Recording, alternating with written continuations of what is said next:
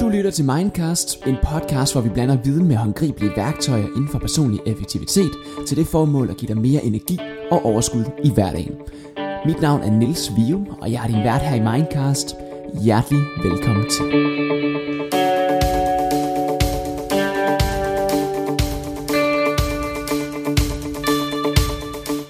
Dag der har jeg taget en gæst med, som er tidligere CEO i Call Me, og personen bag hele kampagnen kaldet Tal Ordentligt. Derudover har hun rigtig godt styr på sig selv i og med, at hun går meget op i sin livsstil, blandt andet i forbindelse med noget yoga og noget urtete. Og i dette afsnit vil der faktisk også være en lille øvelse, vi laver sammen senere, i forhold til at få styr på vores vejrtrækning i meget pressede situationer. Hjertelig, hjertelig velkommen til dig, Hanne Lindblad. Tak skal du have. Hanne, øh, hvordan vil du sige, dit energiniveau det er for tiden?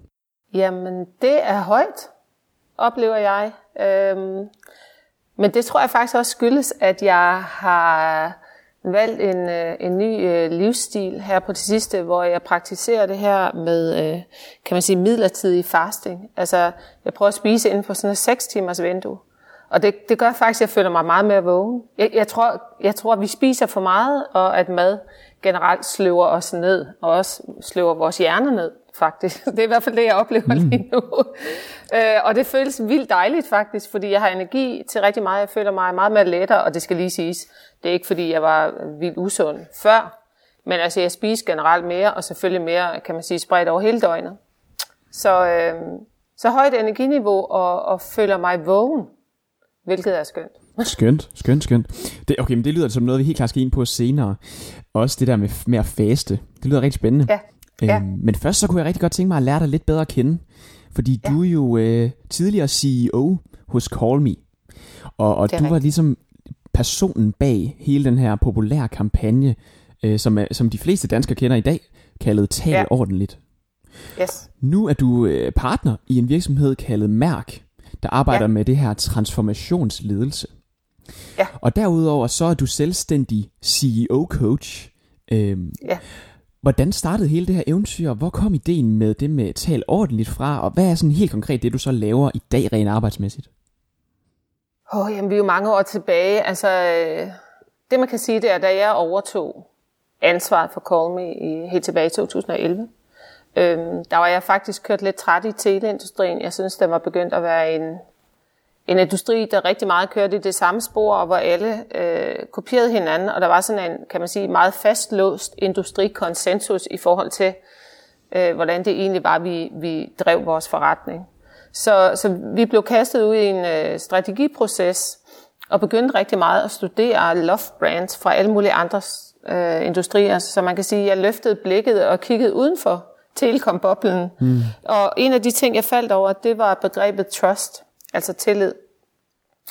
Og øh, det valgte vi, altså simpelthen som intention for vores strategi. Så det at leve trust i alle hjørner af forretningen, det blev den transformerende rejse, som vi startede i maj 2011, og som også førte os til, kan man sige, udlevelse af Tal kampagnen, som reelt fra starten af var tænkt som bevægelse, men det turde vi ikke fortælle danskerne, for det lød, det havde sådan lidt religiøse overtoner. ja, ja. Men altså, vi vidste godt, at det ville blive en overlang, øh, kan man sige, øh, rejse for at, at få danskerne til at reflektere noget mere over, hvordan det egentlig er, vi, vi taler sammen.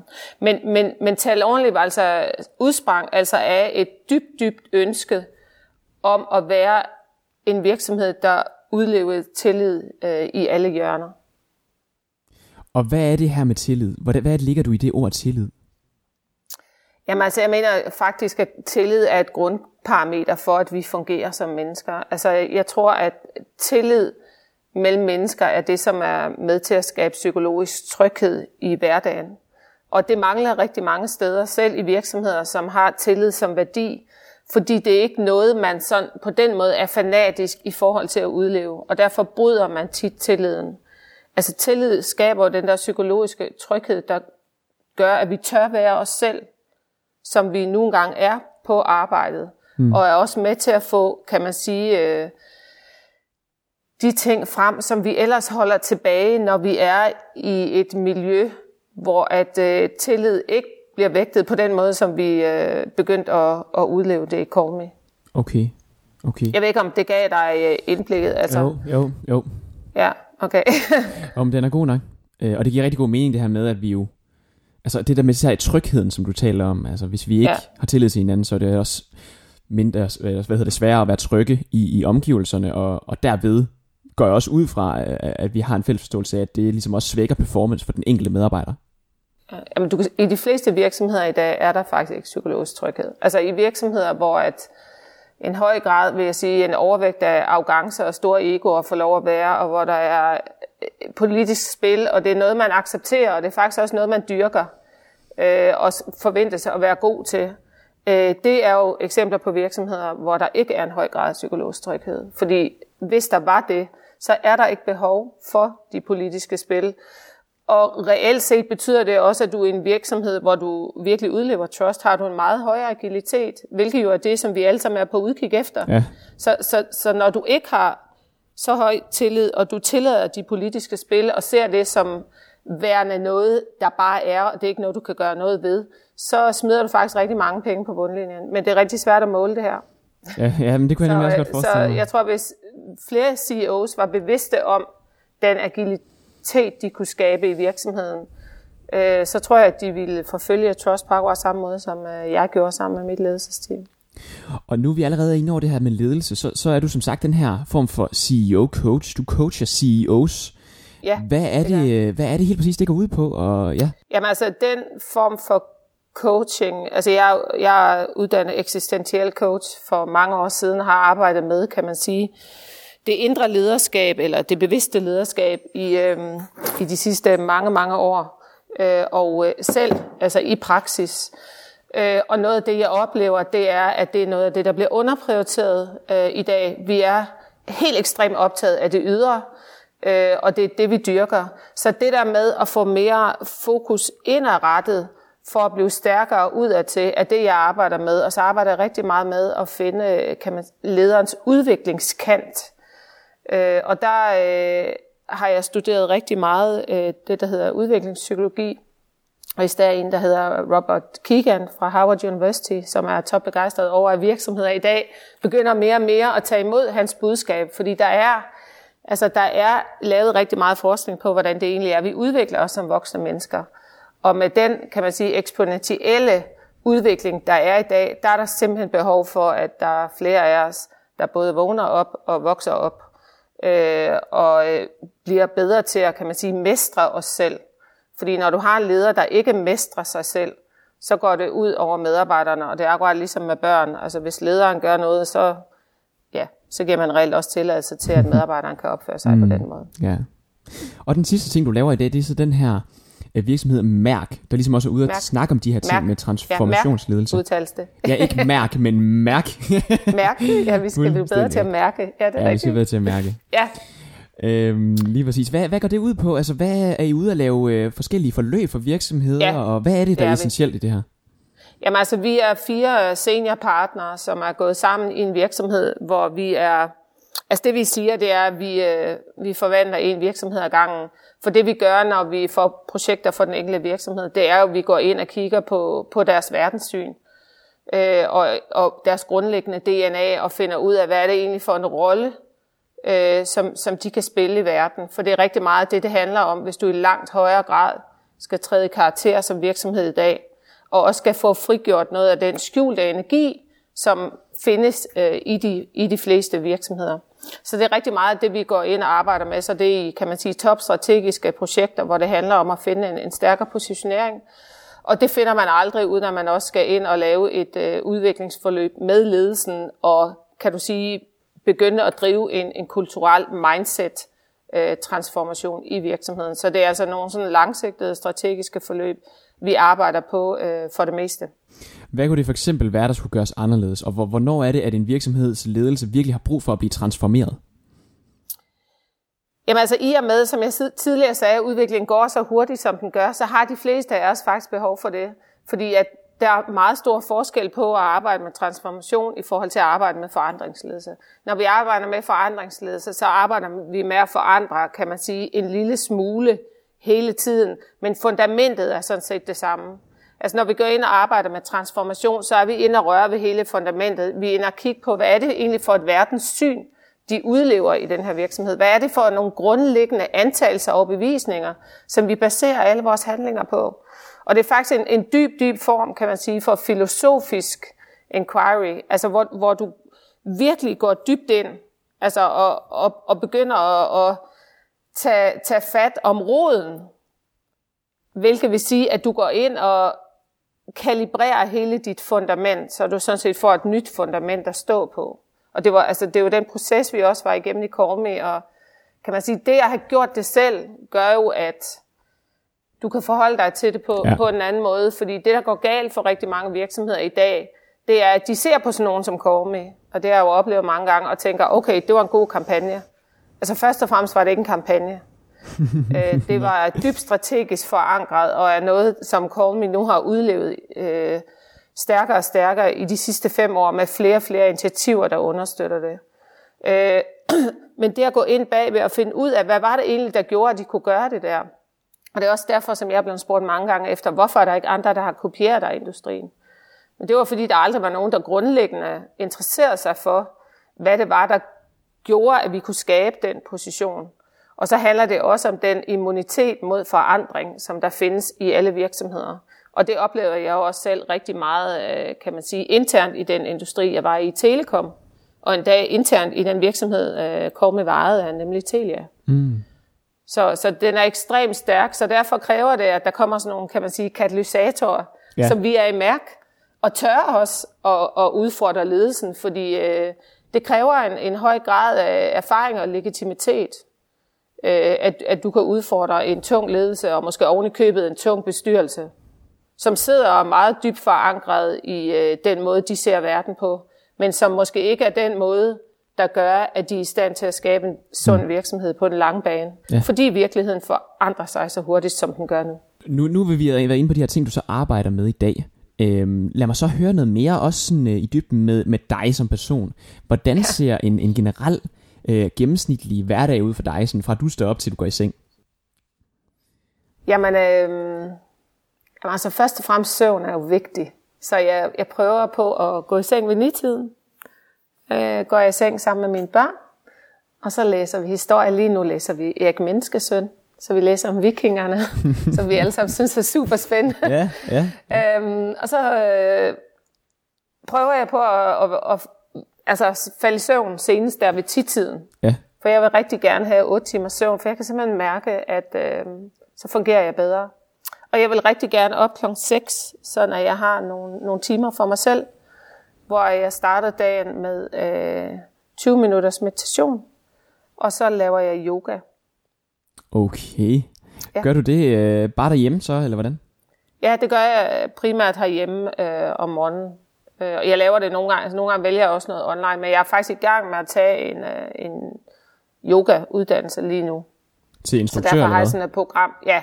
Og okay. det, altså, det er sådan, fordi jeg faktisk bruger øh, yoga også i forbindelse med ledelsesudvikling og, mm. og, og coaching, fordi yoga er i høj grad en teknologi, som gør, at du kan komme i bedre kontakt med dig selv og i bedre balance med dig selv. Så yoga er ikke øh, lige med, kun lige med alle de der gymnastiske øvelser, ja, som ja. yoga tit bliver forbundet med her ja. i Vesten. Okay, så, så, så er det inden morgenmad, altså bare er det første overhovedet, du gør det? Ja, det er, jamen det er det. Jeg går op, jeg, jeg er så heldig, at jeg, når jeg er hjemme her på Møn, hvor jeg bor i hvert fald, så har jeg et meget, meget smukt yogaværelse, hvor jeg går op og tænder lys, og så går jeg bare i gang. Ej. Ja det gør og, jeg. Og så hvad, så hvad, hvad efter det?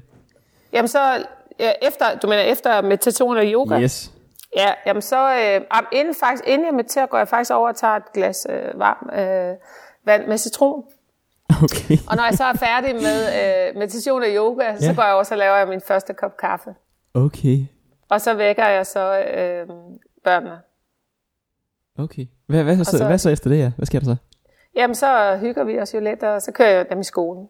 Mm. Men der er også andre dage, hvor jeg skal ind til København, og så øh, står jeg også op tidligt, og så, øh, hvad hedder det, så, så kører jeg så, inden de vågner faktisk, og så er det jo, så hygger de sammen med far i stedet for. Du talte tidligere om, at øh, du faster. Ja. Betyder det, at du ikke spiser morgenmad? Ja. Okay. Altså lige nu, øh, jeg, tror, jeg tror, jeg er en af de der kvinder, der altid har kæmpet med de der 5 kilo for meget, og, og generelt ikke mm. være så super glad for min krop, selvom jeg, jeg ikke sådan, jeg tror ikke, der er nogen, der siger tyk som sådan, men, men, men jeg vil bare gerne have et bedre forhold til min krop. Mm. Så, så det jeg er i gang med nu, er, jeg oplever faktisk, at det, jeg er i gang med sådan at skille mig fra min krop, for bedre at kunne være sammen med den. Det lyder sådan lidt uh, modsætningsfyldt.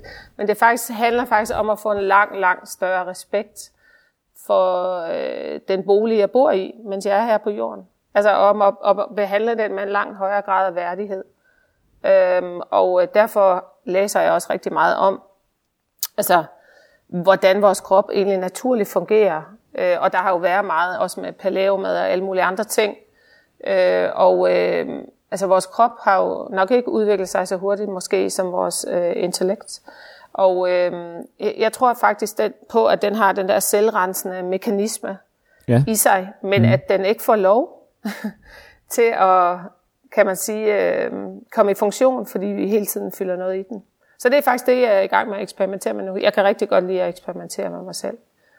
Jeg tror, det er derfor, vi er her. Vi er her for at lære, og at vi livet igennem faktisk skal eksperimentere med os selv, og udfordringen er, at vi bliver meget fastlåste i vores vaner, fordi vaner gør, at vi bruger mindre energi. Altså det kræver energi faktisk at eksperimentere med dig selv, fordi det kræver en anden øh, bevidsthed. Fuldstændig enig, og jeg er fuldstændig enig i, hvor meget det kan give os at blive ved med at finde ud af, fordi der er jo også rigtig, rigtig mange, som, som siger, du skal bare læse den her bog, du skal bare læse de her ting, yeah. og så finder du ud af, hvad der virker for dig. Nej, det finder du ikke en skid ud af ved at, ved at bare læse det, men du er nødt til at prøve Nej, det af. Skal, ja. Jeg er meget praktiker. Ja. Altså jeg læser også meget, jeg har altid læst meget, men, øh, men jeg er meget, meget praktiker. Øh, fordi det er den eneste måde, vi lærer på. Det er rigtigt, og jeg, altså, min holdning er faktisk, at vi lever i en over det intellektualiserede tidsalder. Øhm, der er også, altså for eksempel når det kommer til ledelse, der er mange ledere, der er teknisk dygtige, men de er ikke stærkt funderet i sig selv, og de er slet ikke bevidst om deres egen udviklingskant. Så det der med det praktiske, tror jeg, det er noget, vi kommer til at indse her i det næste årti, at det er ekstremt vigtigt for, at vi kan følge med i det hele taget, og for at vi ikke bliver stresset. Altså depression og stress er jo det er jo omsaggribende i vores samfund ja, i en rate, ja. som, som jeg tror, de fleste af os slet ikke forstår. Og det er fordi, at vi ikke ligesom er godt nok funderet i os selv. I forhold til det med at faste, er det, er det så kun, hvis nu jeg, jeg øh, har intentioner om at, at bygge en flottere krop, eller at, at tabe et par kilo, eller, eller er der nogle andre, måske mentale, hvad kan man sige, benefits ved at, at prøve at faste? Jamen altså, for mig er det her ikke en kur. Altså det her er, er, er en ændring til en anden livsstil. Altså, øhm, og, øh, og jeg oplever som sagt, ja, altså jeg oplever, at jeg bliver mere vågen. Altså jeg oplever faktisk, at jeg er mere til stede, og jeg kan mærke min krop på en anden måde. Altså, og også sådan øh, kreativitetsmæssigt er jeg også skarpere. Altså, fordi, fordi at mad på en eller anden måde dulmer dig, fordi din krop bruger jo rigtig meget energi, når du spiser. Altså, så er der jo rigtig, jeg læser faktisk den der bog, der hedder Tarme med charme, lige pt. Ja. for også at lære mere om tarmsystemet, ja. som jo er, kan man sige, virkelig et overset område. Øh, og, øh, og det er faktisk rigtig, rigtig spændende at, at lære mere om, hvad er det egentlig, der sker, når vi putter noget i munden. Altså, hvad sker der så, ikke? For det bliver jo til en del af os. Så du spiser en banan, og den bliver, til en, den bliver transformeret, kan man sige. Den bliver, til, den bliver jo til en del af dig. Og hvordan er det egentlig, det sker? Okay. Og, og hvor meget energi er det egentlig, kroppen bruger på det? Så, så for mig Øh, altså jeg er i tvivl om, at, at det gør noget at, at spise mindre. Man har også studeret samfund, hvor de kun spiser de der indtil 80 procent af, at de spiser sig ikke helt med det, vel? Og det er faktisk nogle af dem, der lever længst. Så jeg tror klart, der er noget i det. okay, men, men nu, nu sidder jeg og bliver helt vildt nysgerrig. Jeg er sikker på, at der også er et par lyttere, der så tænker, okay, men hvad er det lige præcis, det går ud på? Hvor, hvornår spiser du så, og hvor mange timer i døgnet spiser du ikke? Og, og hvad er de største udfordringer ved det her? Er man ikke sulten hele tiden? Kan du forklare noget om det? Jamen altså, jeg har altså man kan jo vælge, hvad man vil. Altså jeg har bare besluttet mig for at sige, at jeg vil prøve at øh, spise i sådan en 6 timers vindue. Og så vil jeg så også øh, prøve faktisk at tage en dag om ugen, hvor jeg faster, altså 24 timer. Hvor jeg kun drikker vand og, og urtete. Øhm, men, øh, og det vælger jeg sådan alt efter, hvad jeg skal. Altså det skal ikke være en dag, hvor jeg skal helt vildt meget. Altså det skal være en dag, hvor jeg arbejder hjemme her på Møn, eller i weekenden måske. Ikke? Men altså i de 6 timer der, øh, der spiser jeg jo så, hvad jeg har lyst til. Altså, Men det, er jo, men det er jo klart, for eksempel nu står jeg og snakker med dig nu, og klokken er halv 11, og jo, jeg kan godt mærke, at jeg, altså ikke, jeg kan mærke, at jeg ikke er fyldt i maven. Men det er ikke sådan, at min mave skriger af sult. Jeg, jeg kan faktisk mærke mig selv. Og det, det føles godt. Det føles faktisk godt at være sulten, fordi vi er jo i en kultur, hvor folk generelt aldrig er sultne. Du spiser, du går ned i kantinen, fordi klokken er halv tolv. For du plejer at gå derned halv tolv. Men det der med rent faktisk at mærke efter, er jeg egentlig sulten? Nej, det er faktisk ikke. Jeg er i hvert fald ikke sulten nok til, at jeg behøver at spise noget. Men det er også fordi, vi er jo blevet trænet i det her med, at morgenmad er vigtigt. Men faktisk, ja. det her med morgenmad er vigtigt, det var noget, der opstod i 30'erne, fordi Kellogg's de gerne ville sælge noget mere morgenmad. og så øh, begyndte de at køre en masse kampagner med det her med, at morgenmad var vigtigt. Og det var blevet noget, altså det var noget, jeg jo lært op med. Altså en overbevisning, der hed, morgenmad er, er vigtig. Øhm, og det er den også for mennesker, som døjer med deres blodsukker måske, men det, det gør jeg ikke. Så. okay, ja. så 6 timer om dagen, og så alt den anden tid? Der altså, spiser jeg ikke. Der spiser... Jeg drikker altså, vand og kaffe, drikker jeg også, ikke? og urte Ja. Okay. Men kaffe drikker jeg kun om morgenen. Jeg kan, ikke, jeg kan ikke sove, hvis jeg drikker kaffe om aftenen. Nej. Jamen, det, er også, øh, det er der også masser af videnskabelige bevis for, i hvert fald med, med, med alt det koffein og sådan noget. Og det bliver i kroppen i rigtig lang tid, så det giver god mening. Ja. Okay. Ja, men det er godt nok, øh, det er godt nok rigtig spændende. jeg har bare lyst til at, at, at snakke en masse om det også. Men vi har jo et, vi har jo et program her. Det har vi jo, øh, ja. øh, fordi det næste, jeg vil snakke med dig om, det er, at du virker lidt til at være den her ildsjæl omkring det med, at vi skal gøre en forskel og de ja. her ting. Øh, så har jeg også tidligere hørt dig sige øh, det her med, at der er rigtig mange virksomheder, der netop ikke gør en forskel. Øh, ja. Du var lidt inde på det tidligere også i forbindelse med, at, øh, at, at der kan opstå de her politiske kampe og sådan noget internt i virksomheden. Har det med det at gøre, eller er det noget helt andet? Og hvad betyder det egentlig for dig, det med overhovedet at gøre en forskel? Jamen altså, øh, man kan sige, at, at det vi startede på i, i Me øh, dengang, øh, var jo netop, at, at vi ville gøre en forskel i det samfund, som vi var en del af. Ja. Og da jeg først øh, sagde det til mine medarbejdere, var de jo sådan helt, øh, Hanna, hvad, hvad, hvad snakker du om? Vi sælger mobilabonnementer. Altså, det var ikke en del af vores, kan man sige, øh, grundopfattelse af os selv som virksomhed, at vi samtidig med, at vi havde vores kerneforretning, også ved siden af, kan man sige, skulle gøre en positiv forskel i et samfund, som vi var en del af. Altså i teleindustrien på det tidspunkt strækkede det sig til, at du ved, man kunne donere nogle penge til sådan et eller andet, ikke? Altså mm. sådan meget traditionelt mm. øh, CSR-agtigt. Ja, ja. Øh, og øh, så derfor var det jo en grundlæggende ændring af den måde, vi så verden på. Du kan sige, at det var en kalibrering af hele vores verdensbillede i forhold til, hvad er det for en rolle virksomheder spiller i samfundet. Og virksomheder spiller en enorm stor rolle i vores samfund. Virksomheder er en af de mest kraftfulde kan man sige, øh, dynamikker for at skabe ændringer i vores samfund. Så derfor har vi et stort ansvar i den her scene. Men det er bare ikke sådan, at de fleste af os er trænet i dag, for de fleste er trænet i den her stakeholder-model, der siger, at øh, dit ansvar som CEO, det er bare at levere så stærk en bundlinje som muligt, ja. og selvfølgelig drive en ordentlig virksomhed, det er klart, og lave, du kan sige, traditionelt CSR, som er meget pligtdrevet i de fleste øh, industrier i dag. Øh, så det der med at, at gå ud over det, og faktisk øh, være i stand til at definere noget, som kan give dig et ekstra ben at stå på. Så du har den her virksomhed, som har en kerneforretning, som er super sund, og ved siden af har du, kan man sige, en social mission. Og kan du få de to ting til at gå op i en højere enhed, så er det jo bare super, super smukt, fordi du bliver meget mere vedkommende som virksomhed, og du bliver en meget, meget mere meningsfuld virksomhed. Men det kan du ikke gøre, hvis ikke ledelsen ligesom øh, synes, at det er en god idé. Øh, og rigtig mange virksomheder er det svært det her, fordi den ledelse, de har i dag, har svært ved at se sig selv gå i front for at blive en stærk samfundsaktør. Ja. Det er simpelthen ikke en del af deres øh, selvopfattelse, kan man sige. Ikke? Øh, og, det, og, og det gør selvfølgelig, at, øh, at der er plads øh, til de ledere, som er visionære og modige, fordi vi er også en del af en døende historie i dag. Forstået på den måde, at vi, vi er en del af noget, der er ved at dø. Og det er derfor, der også er så meget fokus på disruption og sådan noget. Ikke? Og på det her med at genopfinde sig selv. Og når vi er en del af en stor historie, der er ved at dø, og der er en ny en, der begynder at blive skabt, så har du jo muligheden for som CEO at træde karakter som episk historiefortæller. Men, men sådan ser de fleste CEOs sig ikke. Nej. Øh, det havde jeg ikke et problem med, og jeg trådte jo faktisk i, i karakter, kan du sige, som den generøse og visionære leder i Telekom, og var ude at tale om, om fremtidige generationer, som jeg synes, vi har et meget stort ansvar øh, for. Hvad er det for et samfund, vi skaber til dem? Men det er der ikke særlig mange øh, CEOs, der ser det som, som Nej. deres rolle.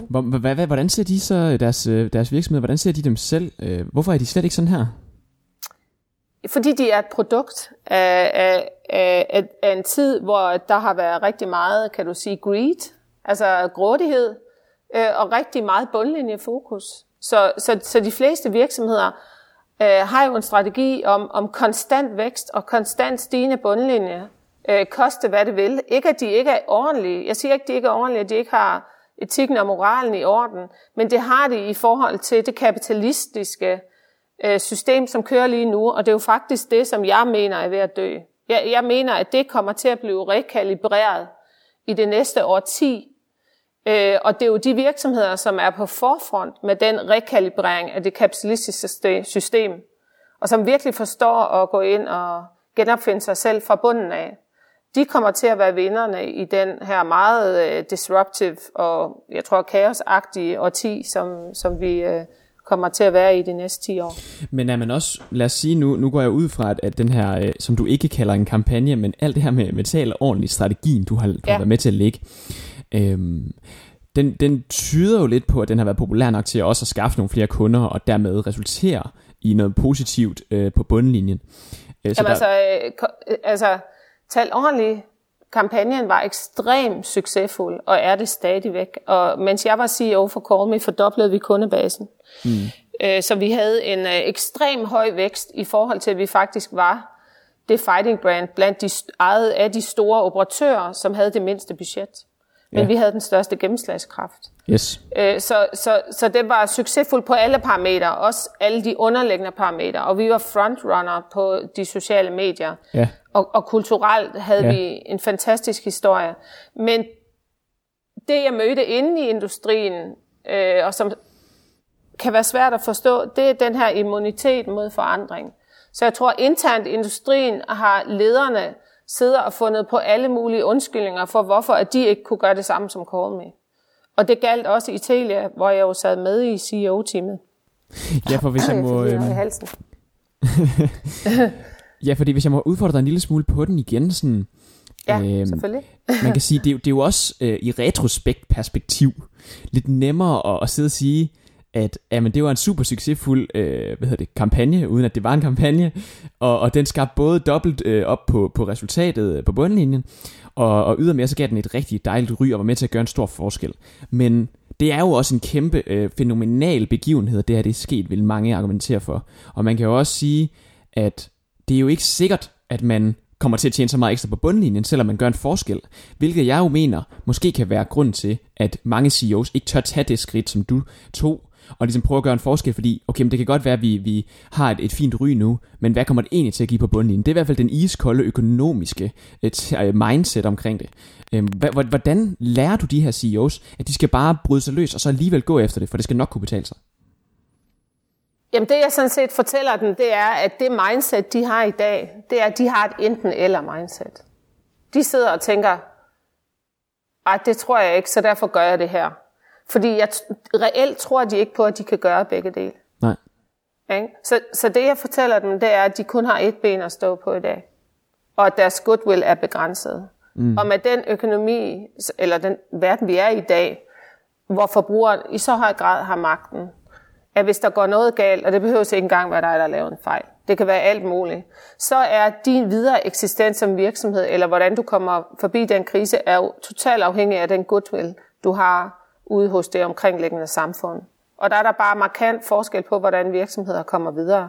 Så, så det er en, i høj grad en fremtidssikring, at man tør at gå i gang med at udvikle, øh, kan du sige, et nyt ben. Og der er jo tusind måder at gøre det på. Altså, tal ordentligt, øh, kampagnen var jo ekstern en ting, men grunden til, at vi lykkedes så godt, det var jo det grundlæggende, den grundlæggende mindset-transformation og det trust-arbejde, vi lavede internt Ja. Altså, det var jo ikke kun kampagnen, det var jo tusind ting, vi gjorde, som gjorde vores forretning sundere hele tiden.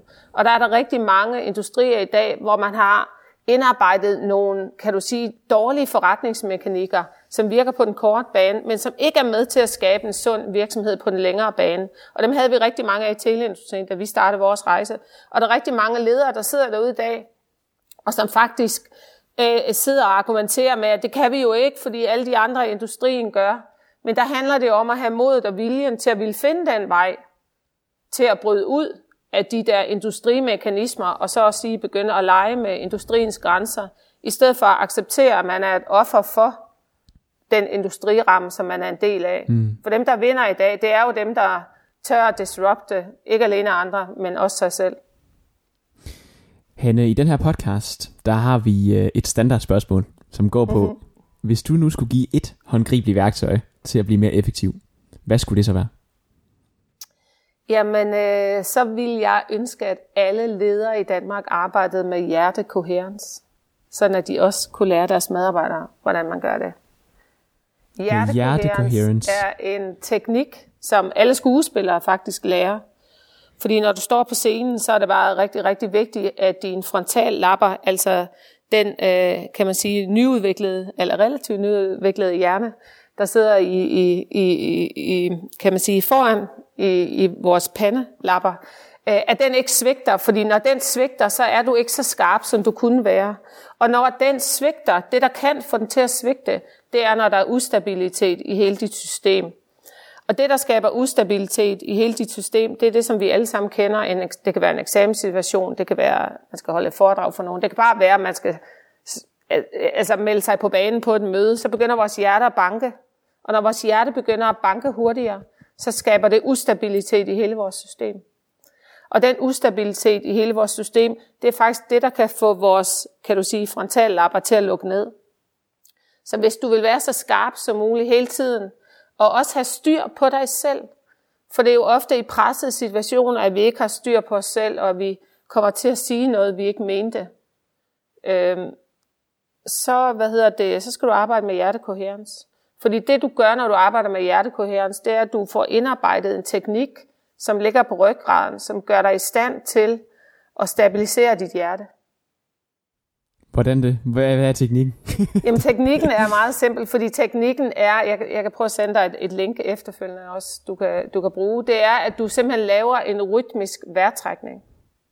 Så, så hvis du sidder i et møde for eksempel, ikke, og du kan mærke, at oh, nu skal jeg snart melde mig på banen, og jeg er nervøs, fordi hvad er puha, jeg ved, de andre er hårdere ved mig, og alt det der. Så sidder du simpelthen og trækker vejret rytmisk ind og ud. Ikke? Lad os sige, tæl til 3-4, hvis du ikke sådan ellers kan vurdere det. Og så fokuserer du på dit hjerte, og fokuserer på noget positivt. Samtidig med, at du sidder og følger med jo. Ikke? Altså det her er en teknik, du kan bruge in action.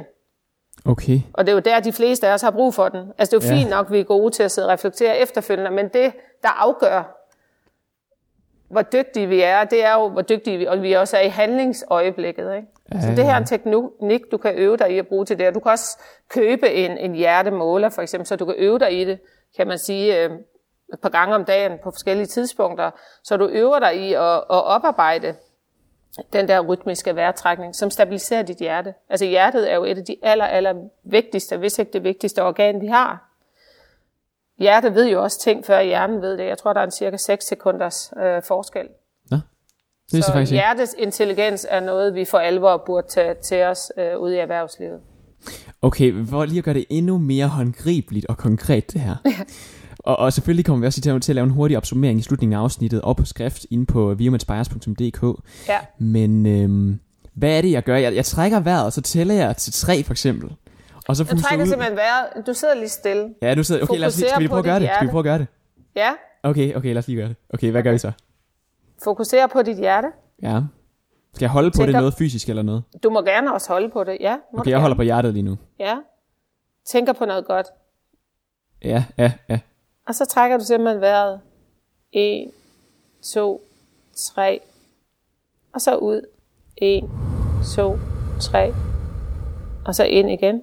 1, 2, 3. Og så ud. 1, 2, 3. Og det fortsætter du bare med.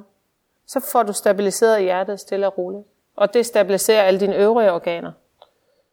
Er det vigtigt, at jeg puster ud gennem munden, eller gennem næsen, eller er det lige meget? Du sidder bare stille og rolig vejrtrækning. Du skal ikke, øh, ikke puste ud gennem munden, eller bare stille og roligt ind gennem næsen og ud gennem næsen. Ind gennem næsen, ud gennem næsen. Wow. Altså vores krop er jo en kemifabrik, ikke? Altså vi producerer jo altså, alle mulige ting, og det er jo et stort, altså det er jo, der kan man virkelig tale om samarbejde, ikke? Altså vores krop prøver altid på at stile mod balance. Og på den her måde kan vi hjælpe den til at komme hurtigere tilbage til den balance, når vi arbejder bevidst med øh, at bestille, stabilisere den via hjertekoherens. Jeg skal til eksamen i morgen. Der, der må, jeg vil sige, det her, jeg kender nemlig nogen, der har fået medicin for sådan noget ja. eksamensangst. Ja. Altså, ja. Jeg forstår slet ikke, at lægerne ikke øh, lærer dem den her teknik. Altså, du kan jo finde mange videoer ude på YouTube om det også og sådan noget. Altså, det, jeg, jeg har brugt det, øh, fordi jeg netop oplevede, at øh, jeg i pressede situationer blev en hane, jeg ikke brød mig om. Altså blev mm. en hane, som jeg har besluttet mig for ikke at være mere. Blev en hane, der godt kunne gribe til den hårde tone, for eksempel som jeg jo arbejdede helt ekstremt meget med øh, under Tal ordentligt kampagnen på at komme ud af. Ja, ja. Øh, og, øh, og jeg oplevede, at når jeg blev, altså min system blev ustabil, så kunne jeg godt gå derhen. Og det ønskede jeg ikke, så derfor har jeg arbejdet virkelig meget med det her selv, og bruger det, altså, hvis ikke dagligt. Altså. Det er vildt. Det er så vildt. Ja. Altså, okay, jeg kan faktisk også godt forestille mig med skuespillere, du siger, der lærer det her. Ja.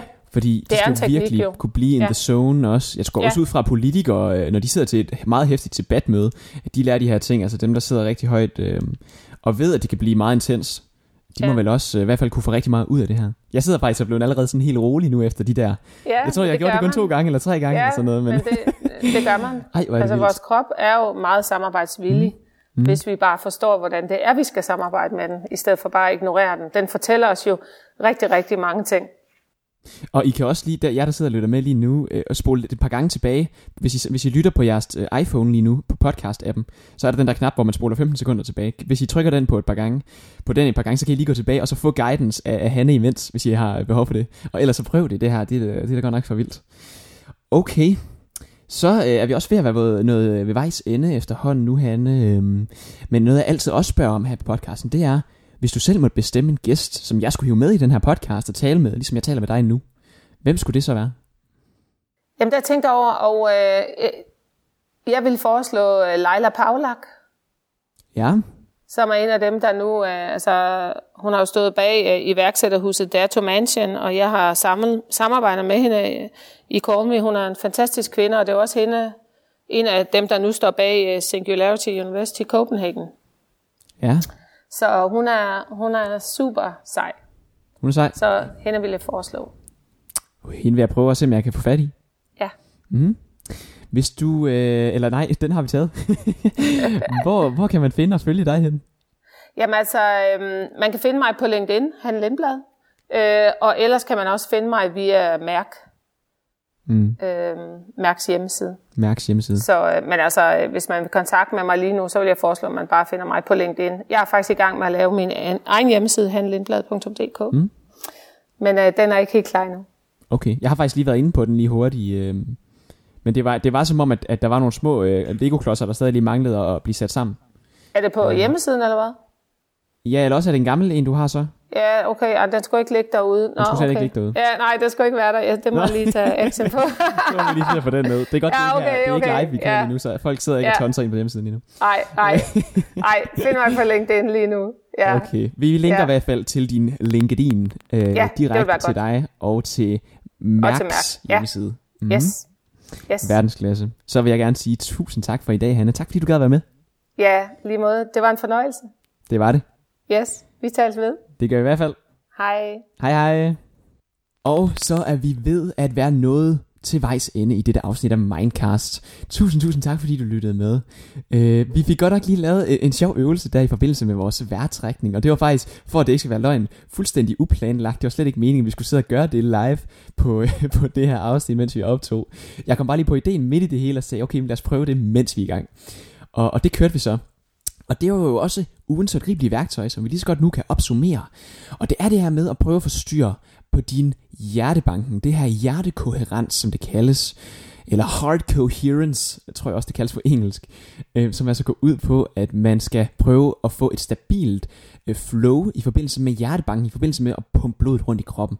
Og det gør altså, at du får meget mere styr på din, øh, hvad kan man sige, dit sind, når du skal præstere i en meget presset situation. Det er noget, som skuespillere de lærer øh, på alle skuespillerskoler, og, og ligesom på den måde får styr på deres mindset, inden de skal lave et eller andet vild act, for eksempel midt i et stykke. Og det her værktøj vil selvfølgelig også blive beskrevet nærmere, og hvordan du kan bruge det inde på virumetsbias.dk. Ellers vil jeg gerne sige tusind tak for i dag. Det har været en fornøjelse at have dig med. Mit navn er Nils Vium, og det her det var Mindcast podcasten. Ha' en helt fantastisk dag. Vi lyttes ved i næste uge, nemlig på torsdag. Hej hej.